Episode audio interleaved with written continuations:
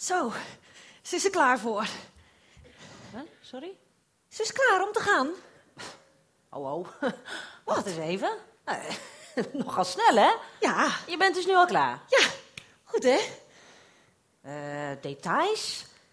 Oh, hoe, hoe heb je het verteld? Persoonlijk zou ik eh, voor een droom zijn gegaan. Nee, nee, want eh, God had gezegd dat ik het face-to-face moest vertellen. Dat meen je niet. Ja. Maar, maar hoe ben je gegaan dan? Wat eh, bedoel je? Ja, heb je je engelheid een beetje vermomd? Mijn engelheid? Je snapt me wel. Nee. Nee, nee. Ik ben gewoon zo gegaan. Dus Wat? Je, dus ja, dat aan. Ja, wat is er mis met mijn gewaad? Zit er een gat in mijn aureool? Oh, ik heb nog zo voor de spiegel gestaan vanmorgen. Echt, nee. Nee, nee, nee. Ziet er prima uit. Oh, gelukkig. Ik kreeg het echt al hemels benauwd, zeg. Nee, want God had wel gezegd dat dit een heel belangrijke boodschap is. Dus ja, dan moet ik er natuurlijk wel eh tip-top uitzien. Ja. Zeg, ik ben trouwens wel verbijsterd dat het zo goed ging. Ja. Hè? Ik bedoel, ze is tenslotte wel een mens. Mens. Ja. Nou ja, ze was in het begin natuurlijk wel een beetje bang. Oh. Moest je weer je wees niet bevreesd eh, speech houden? Ja. ja. Wat is het toch zo eng aan ons? Nou, echt, hè? Ik snap het ook niet. In, dat- in dat boek van ehm, eh, Menselijke Interacties voor Dummies... daar staat nog zo, hè... dat die wees niet bevreesd speech een vrolijke moet zijn. Ja, nou, ja, volgens mijn notities is dit in ieder geval de meest gebruikte speech. Dat bedoel ik. Ja. Zeg, maar, maar hoe reageerde Maria eigenlijk na het hele ik ben Gabriel, wees niet bevreesd verhaal? Nou, ik, eh, ik vertelde dus hè, dat ze een baby zou krijgen. En, En? eh, nou ja, dat stukje moest ik natuurlijk wel even uitleggen. Ja, ja dat Ja. snap ik. Ja. Nou ja, en toen zei ze, ehm, ehm, ik ben Gods dienaar. Ja, ik probeer het me even voor de geest te halen, hoor. Oh, wacht even. Eh, ze had niet meer vragen? Vragen? Zoals? Eh, zoals hoe ze dit aan Jozef gaat vertellen? Je, je hebt toch wel gezegd dat je in zijn droom gaat verschijnen, hè? Eh, nee. Nee, nee, ja, God had niet gezegd dat ik dat moest doen. Dat, dat meen je niet. Ja. Maar, maar vroeg ze dan niet van, hoe ga ik dit aan mijn ouders vertellen? Eh, denk je dat dat een probleem wordt? De, de, denk je dat dat een probleem wordt? Pa, ma, ik ben zwanger, maar maak je niet druk, joh. Het is van God. Ja, daar heb je wel een eh, punt. Ja, nogal ja. Echt, de hele leven staat op de kop. Ik bedoel, wat, wat, wat gaat ze doen als mensen haar negeren of, ze, of als ze haar willen stenigen? Ja. Hè? Dit ziet er wel uit als overspel. Maria heeft geen overspel gepleegd. Ja, dat weet jij, dat weet ik. Maar hoeveel mensen gaan er geloven dat ze een engel heeft gezien? Ja. Hè? Wij verschijnen niet aan Jan en Alleman. Nee, nee. Nou ja, de mensen aan wie ik ben verschenen, die beginnen mijn boodschappen anders aardig door te krijgen, hoor. Ja, ja, dat heb ik in de gaten, ja. Laatst nog met eh Zacharias, je weet wel, van, van Elisabeth, die nog zo graag een kindje wilde. Ja, die waren heel oud. Zo, Ja, ze waren zelfs gestopt met bidden. ja. Nou ja, en toen verscheen ik. Wat een vragen, joh. Van, kan ik het wel geloven? Zijn we niet te oud? Bla, bla, bla, bla. Wat kan die man praten, joh. hé. Ja, dat kon hij inderdaad, ja. Right. Ja, als je al niet kan geloven wat een engel je komt vertellen, Ja. hè? Wie niet geloven kan. Zwijgt in alle talen. Zeg maar, maar toch verbaasde me dat ze niet meer vragen had. Ja. Hè, ze vroeg zich niet eens af waarom hij op de aarde kwam als baby. Die vraag houdt mij nog steeds bezig. Ja. Nee, nee, ze zei, ehm, ehm, ik ben Gods dienaar en ik zal doen zoals hij zegt.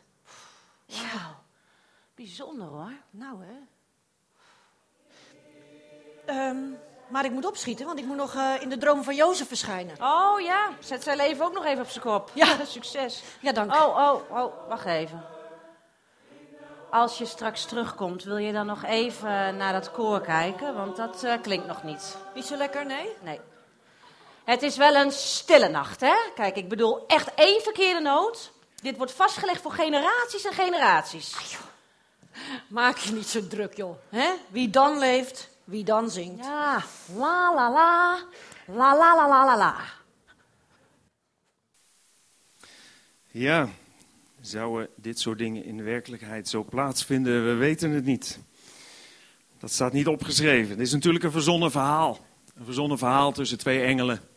De engel Gabriel, je zou kunnen zeggen de chief angel, die eh, Maria bezocht heeft en haar een bijzondere boodschap heeft gebracht. Ja, wat niet verzonnen is, dat is het verslag tussen de ontmoeting van Maria en de engel. Want dat verslag staat vrij nauwkeurig opgeschreven. En dat is opgeschreven door een zekere Lucas. Die heeft een heel aantal dingen wat nauwkeuriger opgeschreven. En zeker eh, opgeschreven rond de tijd van de geboorte van Jezus.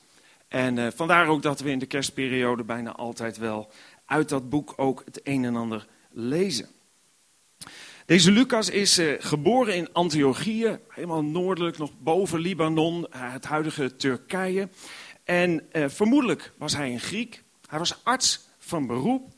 En hij schrijft als enige niet-Joodse auteur twee uitgebreide verslagen die in de Bijbel zijn opgenomen.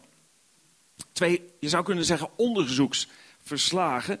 En die draagt hij op aan een zekere Theophilus. We weten niet precies wie dat is, daar zijn wat gissingen over, is ook niet zo belangrijk. Het belangrijkste is dat hij onderzoek doet. En, want waarschijnlijk waren er van allerlei verhalen die gingen. En hij wilde nou eens precies weten hoe de dingen in elkaar zaten.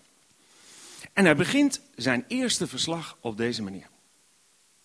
Hij zegt, beste Theophilus, er zijn al verscheidene boeken over het leven van Jezus Christus geschreven. Men is daarbij steeds uitgegaan van wat de eerste discipelen en andere ooggetuigen hebben verteld. Toch dacht ik dat het nuttig zou zijn alles nog eens nauwkeurig na te gaan en u daarvan een geordend verslag uit te brengen. U zult zien dat het volledig overeenstemt met wat u is geleerd. Mijn verhaal begint bij de Joodse priester Zacharias. En vervolgens steekt hij van wal en schrijft hij een heel lang verslag. Niet alleen over de geboorte van Jezus, maar ook over zijn leven, over zijn sterven, over zijn opstanding en ga maar door. Ik zei al, deze Lucas was arts, hij was een hoogopgeleid persoon, wat ook herkenbaar is aan zijn schrijfstijl en aan zijn foutloze Grieks, zoals hij schrijft. En ja, hij gaat te werk als een soort onderzoeksjournalist. Hij, hij is eigenlijk niet een van de, van de personen geweest die, die tijdens het leven van Jezus heel dicht bij Jezus is geweest, zoals zijn discipelen en zijn leerlingen. Hij heeft alles later opgeschreven en waarschijnlijk ook alles door middel van interview en gesprekken en dingen die hij daarover gelezen heeft, uiteindelijk uitgezocht. Nogmaals, om de misschien verhalen die er gaande waren eh, te onderzoeken. Wat is nou waar en wat is nou niet waar? En hij heeft ook ongetwijfeld gesproken met Maria. Want anders kan hij nooit zo gedetailleerd deze dingen beschrijven. En om die reden ja, kunnen wij nu, 2000 jaar na dato, eigenlijk nog precies lezen hoe een heel aantal dingen in die tijd zijn gegaan. En Maria, ja, natuurlijk, zij had nog nooit van kerst gehoord. Want zij was het begin van het kerstfeest zoals wij dat nu 2000 jaar later over de hele wereld nog vieren. Bij haar, bij haar ontstond dat eigenlijk. Ja, hoe zou dat in zijn werk zijn gegaan? Het was waarschijnlijk een, een doodgewone dag. Een gewone door de weekse dag. Misschien was Maria wat aan het klungelen in huis, was ze de bed aan het opmaken, of misschien zichzelf aan het opmaken, dat deden ze ook in die tijd. Of, of ging ze een brood bakken, of stond ze op het punt om naar de markt te gaan om inkomen, te doen. Toen ze onverwachts bezoek kreeg. En Lucas doet er op deze manier verslag van. Hij zegt, de engel Gabriel werd door God gezonden naar een stad in Galilea, waarvan de naam Nazareth was. En er staat hier een stad, wij zouden het beslist een gat hebben genoemd.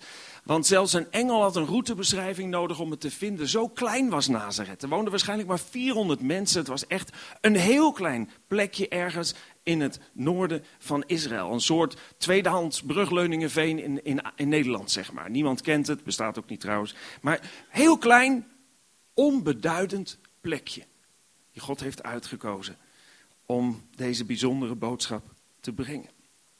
En dan staat er, hij werd gezonden naar een maagd die ondertrouwd was met een man, van wie de naam Jozef was, uit het huis van David. En de naam van de maagd was Maria. De engel werd naar Maria gestuurd, een, een, een jonge vrouw, een jonge meid van een jaar of 16, 17, 18, wordt geschat die een ondertrouw was met Jozef. Het was helemaal heel gebruikelijk dat, dat mensen heel jong trouwden al in die tijd. En Jozef was een nakomeling van koning David. Hij kwam uit die koninklijke stam Juda. Tot twee keer toe wordt er in dit gedeelte gezegd dat Maria maagd is. En eigenlijk betekent dat in die tijd zoveel als alles gaat zoals het te doen gebruikelijk is, zoals het bedoeld is. De volgorde was, je werd verliefd, je kreeg verkering. En, en als je uiteindelijk met elkaar wilde trouwen, ging je in ondertrouw. En dat duurde een jaar, die periode, dat je in ondertrouw was. En dan kwam het moment waarop het huwelijksverbond werd gesloten, waarop de belofte van trouw voor het leven werd gedaan. En dan binnen de veilige kaders van het huwelijk kwam het kroonstuk van de seksualiteit die God heeft gegeven. En dat was de volgorde die God had aangereikt aan het volk Israël ter bescherming van hen, van het beginnende echtpaar, van het nageslacht wat misschien mocht komen. En het was uit liefde op deze manier gegeven. En dan lezen we verder. En toen de engel bij haar binnengekomen was, zei hij.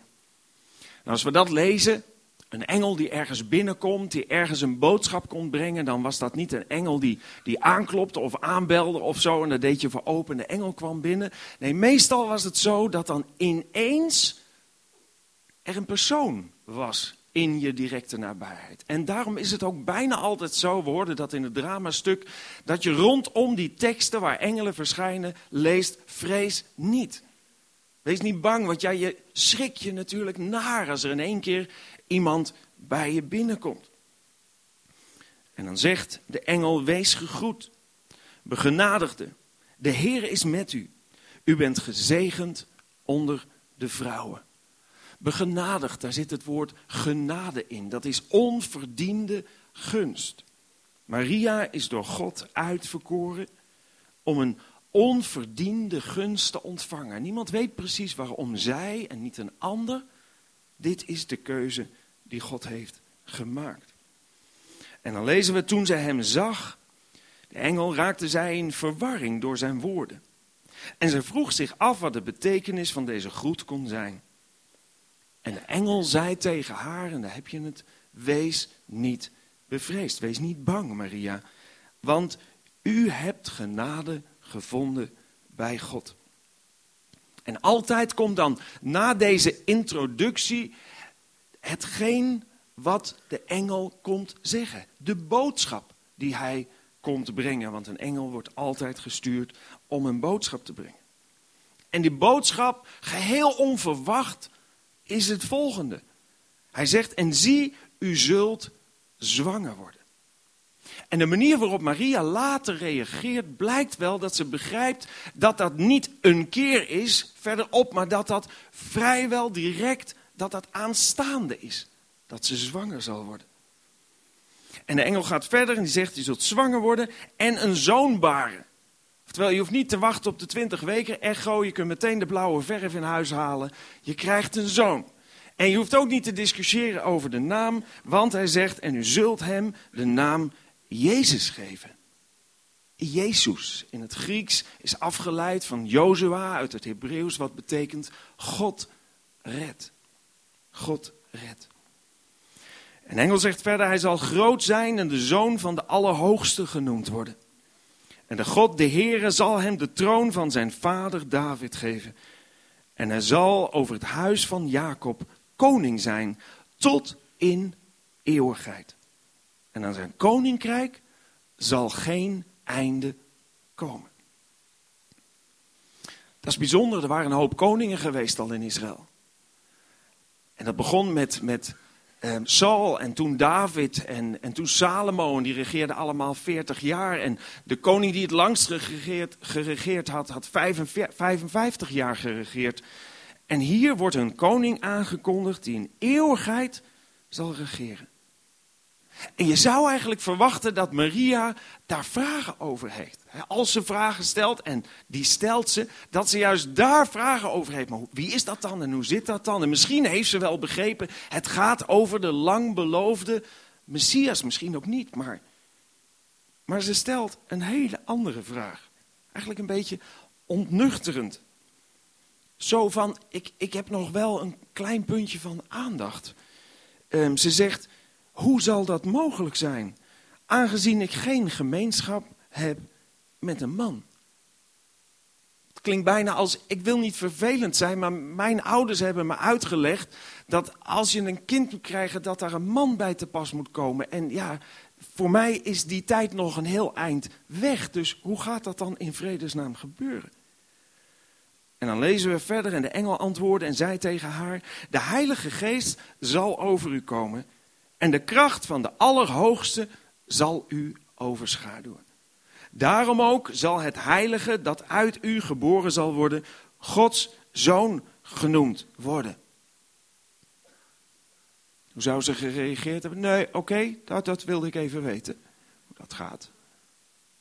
Dit is niet alleen was de boodschap onverwachts en onvoorstelbaar, maar ook dat wat de engel zegt, hoe dat zou gaan plaatsvinden.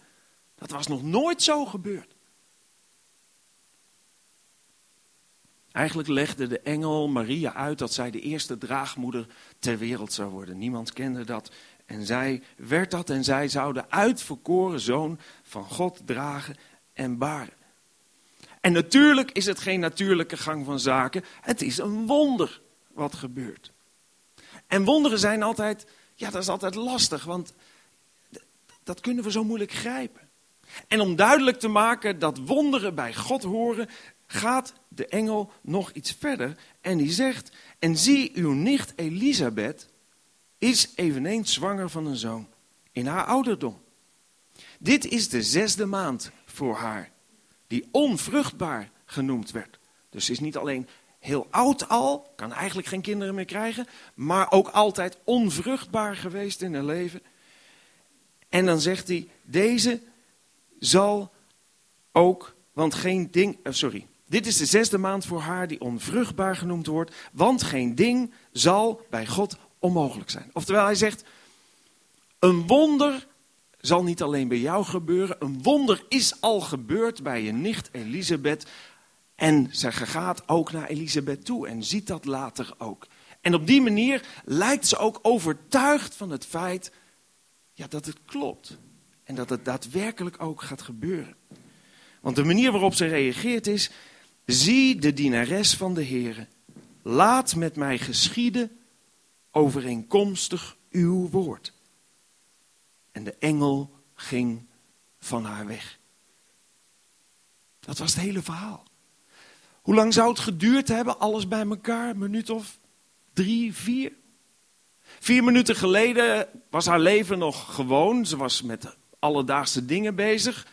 Had, had dromen misschien. Een, ik zei al, een jonge meid van, net zoals zij, 18 jaar. Dromen, ideeën, toekomst. En ineens, ineens staat haar wereld op de kop. Ze had nog nooit van kerst gehoord, want hier begint het verhaal van kerst. Het verhaal van Jezus. Het verhaal van God red. En wat zal er vervolgens allemaal door Maria zijn heen gegaan? Ze was ook maar een gewoon mens. En stel je voor dat jij die boodschap krijgt. Ze zal, ondanks dat ze zei: Ik wil Gods dienares zijn, ongetwijfeld ja, angstig zijn geweest, misschien twijfels hebben gehad, onzeker. Is dit wel goed? Is dit wel de bedoeling? Misschien heeft ze gedachten gehad, zoals in het lied waar we nu naar gaan luisteren.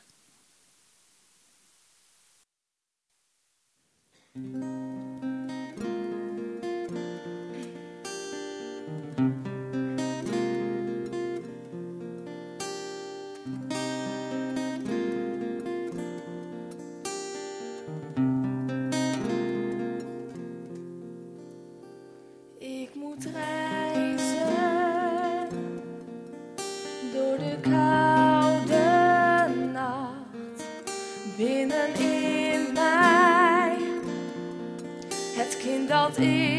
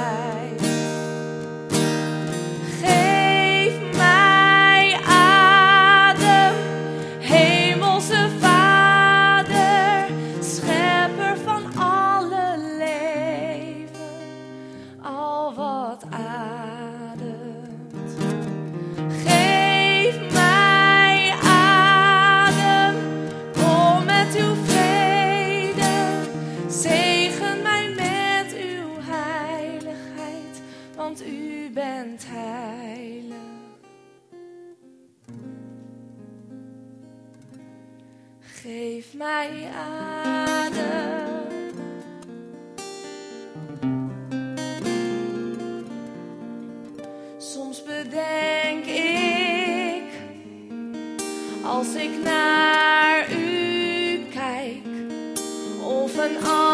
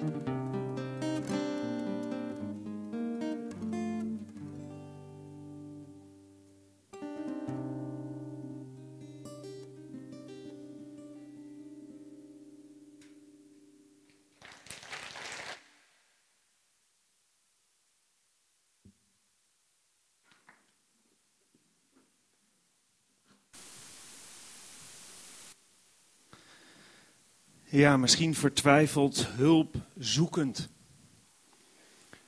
En aan de andere kant ook weer gewoon de realiteit van het leven, van, van de wereld om haar heen. Die was niet veranderd, zij was veranderd. Zij had deze boodschap gekregen. Maar zij moest er wel mee verder, ook in haar omgeving.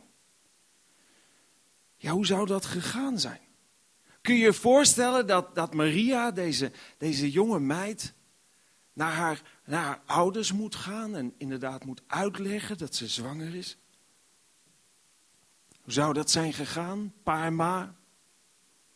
Ga even zitten. Ja, ik moet jullie wat vertellen. Ik ben zwanger. Je bent wat? Ja, wacht nou even, word niet meteen boos. Ik ben niet zwanger van een man. Nee, nee, je bent zwanger van het sesamzaad op je brood.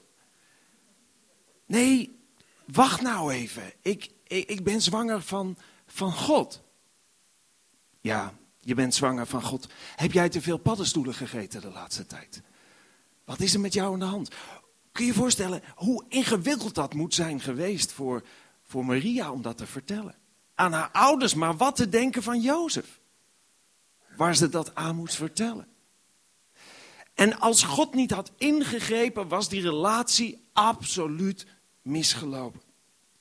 Maar God greep wel in. En dat lezen we in het verslag van Matthäus. Daar staat aan de geboorte van Jezus Christus gingen enkele bijzondere gebeurtenissen vooraf. Toen zijn moeder Maria met Jozef verloofd was en dus nog niet met hem samenwoonde, bleek zij in verwachting te zijn door de Heilige Geest. Jozef wilde de verloving verbreken. Maar omdat hij een goed man was, besloot hij het in stilte te doen om haar de schande te besparen. Terwijl hij hierover lag na te denken, kreeg hij een droom en zag een engel van God naast zich staan. Jozef, zoon van David, zei de engel, u kunt gerust met Maria trouwen. Zij is in verwachting door de Heilige Geest. Zij zal een zoon krijgen die u Jezus moet noemen. Dat betekent God redt. Want hij zal zijn volk redden van de zonde. Daardoor zal in vervulling gaan wat God door de profeet Jezaja heeft gezegd, al, al honderden jaren daarvoor heeft voorzegd.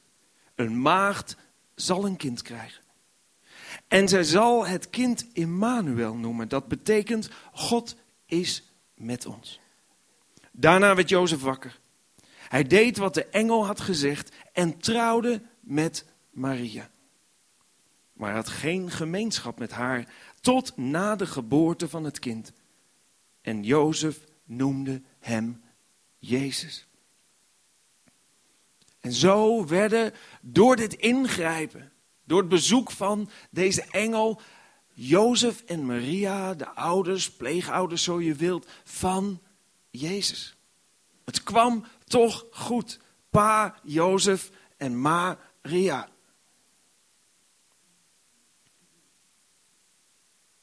Zou Maria enig idee hebben gehad van de impact die de rest van haar leven zou kleuren doordat zij dit kind niet alleen droeg, gebaard had, maar ook met hem optrok en meemaakte wat Jezus ging meemaken. En een stukje daarvan bezingen we in het lied Mary, Did You Know?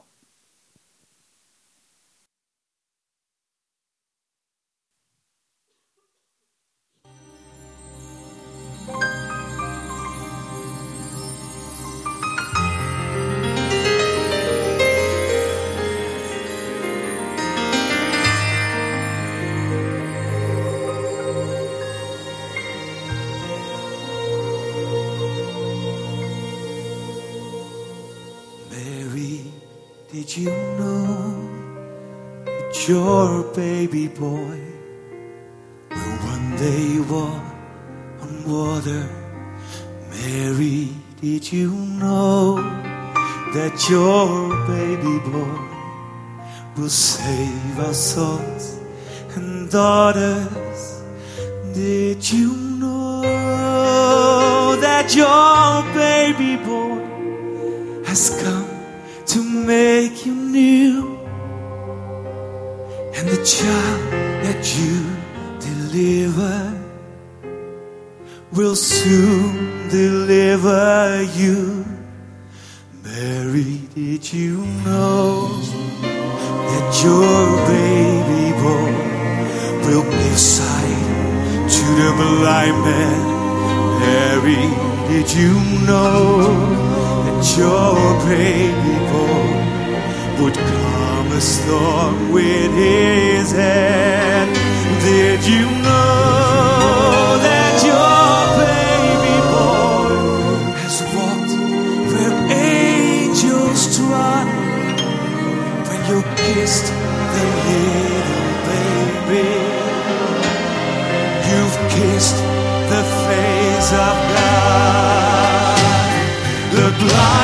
see, the deaf will hear, and the dead will live again. The lame will lead, the dumb will speak, the praises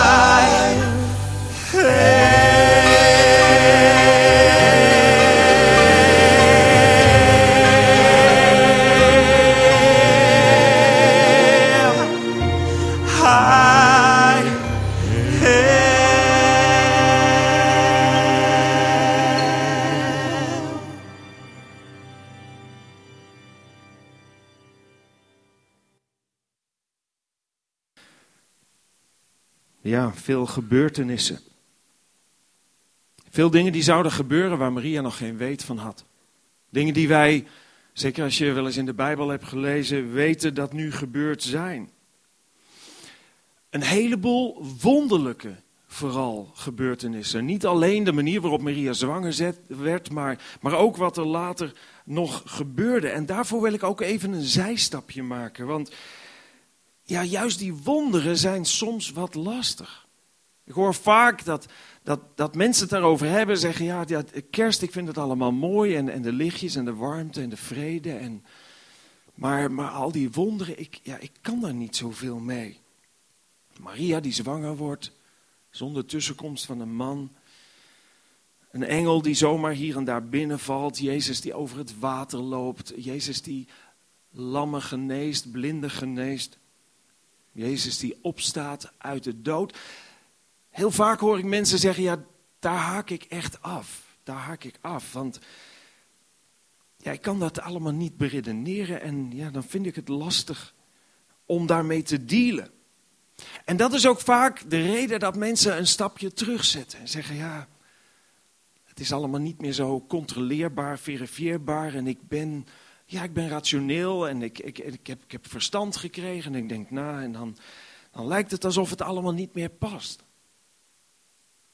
Maar ik ben ervan overtuigd dat we allemaal in zekere zin, op zeker terrein in ons leven, gelovigen zijn. Waarom?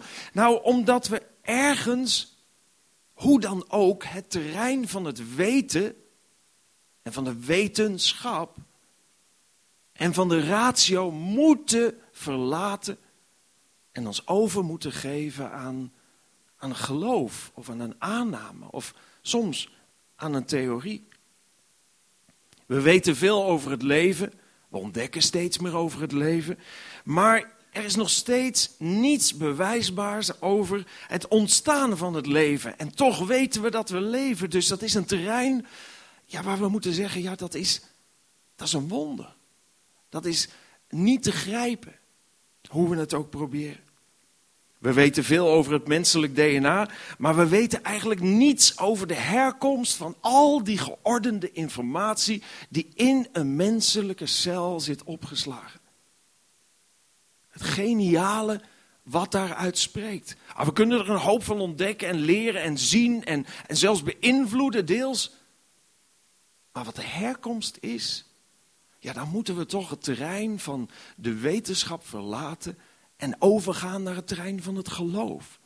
En of je dan gelooft in, in de evolutie of in de Big Bang of in een kosmische samenloop van omstandigheden, het is allemaal geloof, het hele rijtje. Ergens moeten we het weten, het ratio loslaten en ons overgeven aan geloof. Dus geloven doen we allemaal. Maar je wil wel graag geloven wat waar is. En ik vind het belangrijk, en ik hoop jij ook, om te onderzoeken wat waar is. Te onderzoeken wat waar is. De grote Franse wis- en natuurkundige Blaise Pascal, als je het hebt over iemand die rationeel is, die verstand heeft, dan was hij dat wel. Hij schrijft met name over het christelijk geloof. Het christelijk geloof is het enige geloof, zegt hij, dat zowel de menselijke reden als het menselijk gevoel echt bevredigt. Het geeft een plausibele verklaring van het menselijk leven en bovendien beantwoordt het aan de diepste impulsen van de mens. Dat is wat hij heeft ontdekt. Dat is iets wat ik in mijn eigen leven heb ontdekt. Hoe rationeel ik ook ben, heb ik gevonden dat, dat dit wat hij ontdekt heeft waar is. En wat ik eigenlijk wil vragen, en, en ik ken jullie allemaal niet, de enkele van jullie wel. Ik weet niet hoe je hier zit, hoe je bent gekomen. Misschien uitgenodigd door iemand, misschien ben je gewend om in een kerk te komen, misschien helemaal niet. Maar waar je ook staat in je leven, ik zou je willen uitdagen. Misschien wil je dit kerstkind Jezus een kans geven om jou te laten zien dat Hij de waarheid is. Dat Hij het waard is om in te geloven. Ook al kun je alles niet beredeneren en niet alles grijpen. Want Jezus zegt, en God zegt, wie mij zoekt zal mij vinden. Dus dat betekent als je die zoektocht gaat, dat je dat ook zult ontdekken. Zo heb ik het ervaren. En zo heb ik gezien dat God niet alleen dingen zegt, maar dat het ook waar is. Het leven van Maria, zeiden we al, veranderde van de ene op het andere moment. De komst van Jezus zette haar leven op zijn kop. Net zoals de bomen op de uitnodigingskaart. De wereld op zijn kop zou je kunnen zeggen. En niet alleen van Maria, we hoorden het van Jozef, haar ouders, een heleboel mensen om haar heen. Om haar heen ook. En dat is eigenlijk het doel van de komst van Jezus naar deze aarde. Hij wil ook jou en mijn leven op zijn kop zetten. En als je op zoek gaat naar Jezus, als je op zoek gaat naar de waarheid, misschien net zoals Lucas en een heleboel mensen die dat hebben gedaan, dan zul je daar iets van ervaren dat Jezus je leven op zijn kop zet. Maar wel in positieve zin. Eigenlijk kun je beter zeggen, hij zet je leven, je op de kop staat, eigenlijk op de plek zoals God het bedoeld heeft. En zoals we er zelf ook naar op zoek zijn. Ten diepste. In het lied Mary Did You Know zongen we net. Did you know that your baby boy has come to make you new? Wist je wel dat deze baby kwam, is gekomen om je leven nieuw te maken? Of wat de engel zei, zij zal een zoon baren en u zult hem de naam Jezus geven, want hij is het die zijn volk zal bevrijden van hun zonde. Kijk, wat ik al zei, er zijn een hoop dingen die ik niet van jullie weet. Van enkele weet ik een paar dingen. Maar wat ik zeker weet van ons allemaal, is dat we zoeken naar geluk. We willen graag gelukkig zijn. Dat geldt voor ieder mens. We zoeken het op heel verschillende manieren. Maar ieder mens wil graag gelukkig zijn. Ieder mens verlangt ook naar vrede. En liefde en harmonie. Dat is ook waarom zoveel, mens, zoveel mensen de kersttijd als een mooie tijd ervaren. Niet iedereen. Sommige mensen zijn eenzaam en met kerst extra eenzaam. Maar veel mensen genieten van, van die warmte, soms dan wat meer vergevingsgezindheid. De, de, ja, de, iets van die liefde wordt gevoeld. En daar verlangen we ook naar. Daarom is dat ook mooi. Maar we moeten er steeds weer achter komen. En of dat nou met kerst te maken heeft, of op welke manier je dat geluk ook zoekt. Je moet er steeds weer achter komen dat geluk een korte houdbaarheid heeft. Ook weer zo verdwijnt. wat ik net al zei, misschien wil je dit kerstkind Jezus een kans geven om jou te laten zien dat Hij de waarheid is en de weg naar bestendig geluk. Eigenlijk het einde van je zoektocht die we allemaal gaan. Allemaal, weet ik van jullie zeker, allemaal zoeken we naar geluk, naar hoop, naar vrede. Jezus zei zelf, ik ben de weg, de waarheid en het leven. Niemand komt tot de Vader dan door mij. En voor deze exclusiviteit heeft Jezus zijn leven gegeven. Want dat was het doel waarvoor Jezus op deze aarde kwam. Niet vanwege de romantiek en, en het babytje alleen maar en de stal en, en de sfeer en de engelen en de herders. Wat allemaal prachtig is en, en, en belangrijk. Die volgorde en die weg heeft God gekozen. Maar het doel van de komst van Jezus naar deze wereld is om jou en mij de weg terug te wijzen naar God en de weg vrij te maken naar God. Want door de zonde van de mens, door onze tekortkomingen ten opzichte van God, die de schepper van hemel en aarde is, dat geloof ik. Door onze tekortkomingen is er een onoverbrugbare kloof ontstaan tussen, tussen God en ons mensen. En Jezus daalde af, werd een dienaar, kwam als een kwetsbare baby op deze wereld om God bij ons te brengen. Immanuel, God met ons. Jezus, God redt. En uiteindelijk draait het daarom. Uiteindelijk is de uitnodiging van Jezus aan ons allemaal. Wil je mij in je leven ontvangen? Mag ik in jouw leven geboren worden? En mag ik je helpen om te begrijpen hoe God het leven heeft bedoeld? Mag ik je helpen om te gaan begrijpen dat de dingen die wij soms ervaren als regels of, of wetjes of dingen die we in de Bijbel lezen, dat, dat, dat wat we daar lezen niet is gegeven om ons te beperken, maar dat dat is gegeven om ons, om ons gelukkig te maken. Om ons ten diepste vrij te maken. Hoe tegenovergesteld dat ook klinkt. Maar je gaat pas vrijheid ervaren als je gelukkig bent. Wil je Jezus de kans geven om als kerstkind in 2013 in jouw leven te komen? En wil je misschien op zoek gaan naar Hem en ontdekken, nogmaals, het gaat niet om het babytje. Het gaat om datgene wat Hij voor jou en mij deed aan het kruis toen Hij stierf voor onze zonde. Daarover willen we het lied zingen. It's about the cross.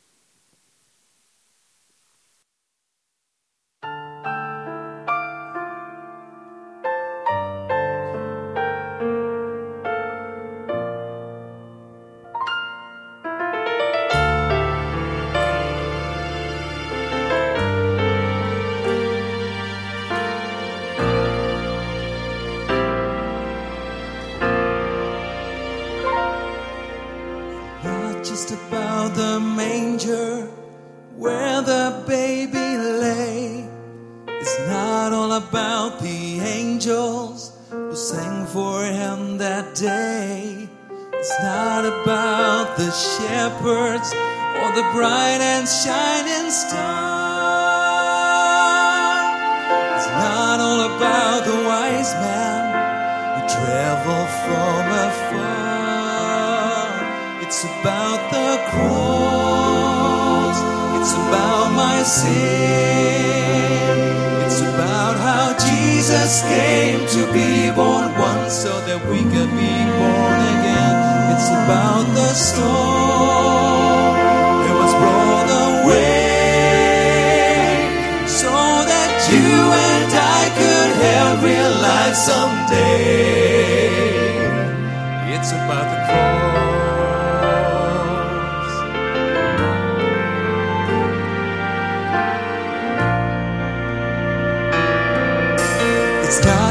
About the good things in this life I've done. It's not all about the treasures or the trophies that I won. It's not about the righteousness that I find within. It's all about His precious blood that saved me from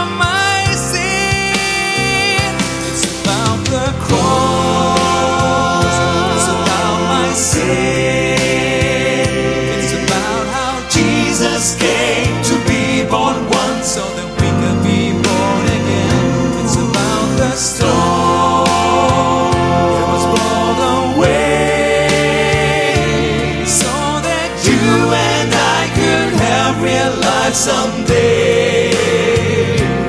It's about the cross, the beginning of the story is wonderful and great, but it's the ending that can save you, and that's why we celebrate.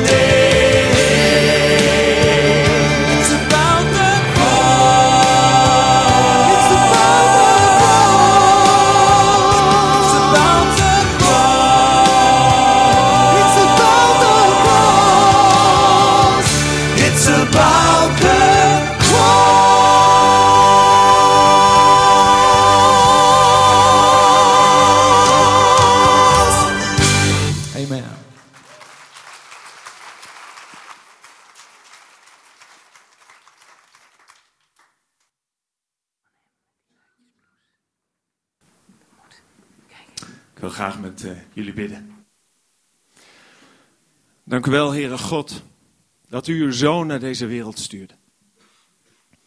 Dat hij kwam als een kwetsbare baby om te dienen. Heer, en we hebben het helemaal niet verdiend dat iemand anders voor ons de prijs betaalt voor onze zonde. Maar u houdt van ons. En uw verlangen gaat naar ons uit. U verlangt om een relatie met ons te hebben, om te herstellen wat kapot is gegaan. En om ons te voeden met uw wijsheid. Om ons gelukkig te zien. Heer, u kent ons allemaal zoals we hier zitten, hoofd voor hoofd. U kent ons leven. En ik wil u vragen, Heer, of u ons hart wilt aanraken met uw liefde. Misschien voor het eerst vandaag. Of u ons wilt helpen om, om u te zoeken. Want u zegt, wie mij zoekt, zal mij vinden.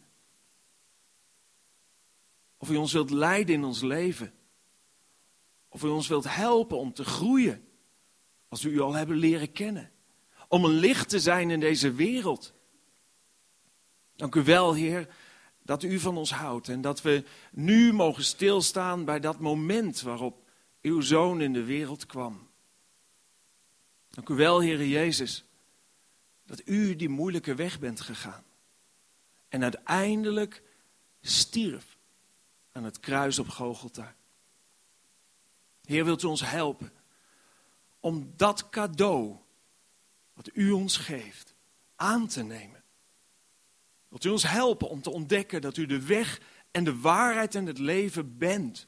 En dat niemand tot God de Vader, de bron van leven en liefde, kan bereiken dan door u, door het offer wat u bracht. Omdat we zelf niet kunnen betalen, niet kunnen herstellen wat kapot is gegaan. Dank u wel, Heer, voor alles wat u ons geeft. Het is genade.